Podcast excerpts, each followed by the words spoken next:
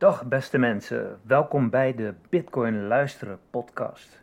Mijn bedoeling is om, net als in de Engelstalige versie van Bitcoin Audible, jullie een heleboel aan te bieden rond het luisteren van Bitcoin artikels, boeken, alles wat ik vast eh, te pakken krijg van interessante zaken rond Bitcoin, libertarisme, de Oostenrijkse school enzovoort.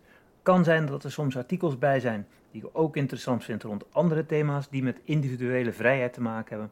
Maar in ieder geval, ik hoop dat jullie een heleboel inspiratie opdoen van artikels die normaal enkel in het Engels zijn ontsloten en deze keer dus ook vrijkomen om te beluisteren op de fiets, tijdens de afwas, waar je maar ook bent, in de auto.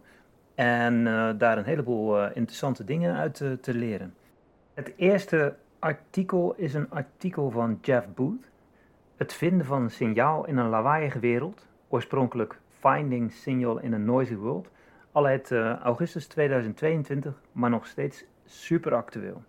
Het is eigenlijk dankzij dit artikel dat ik uh, meer ben gaan nadenken over hoe heeft het nu een impact op de lange termijn, economie, deflatie en allerlei zaken die met het leven te maken hebben en vandaar de actie om dit als eerste artikel te nemen.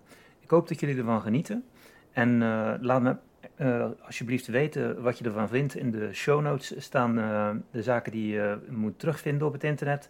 Laat me weten of je misschien andere artikels hebt waarvan jij zegt dat moet ook worden voorgelezen.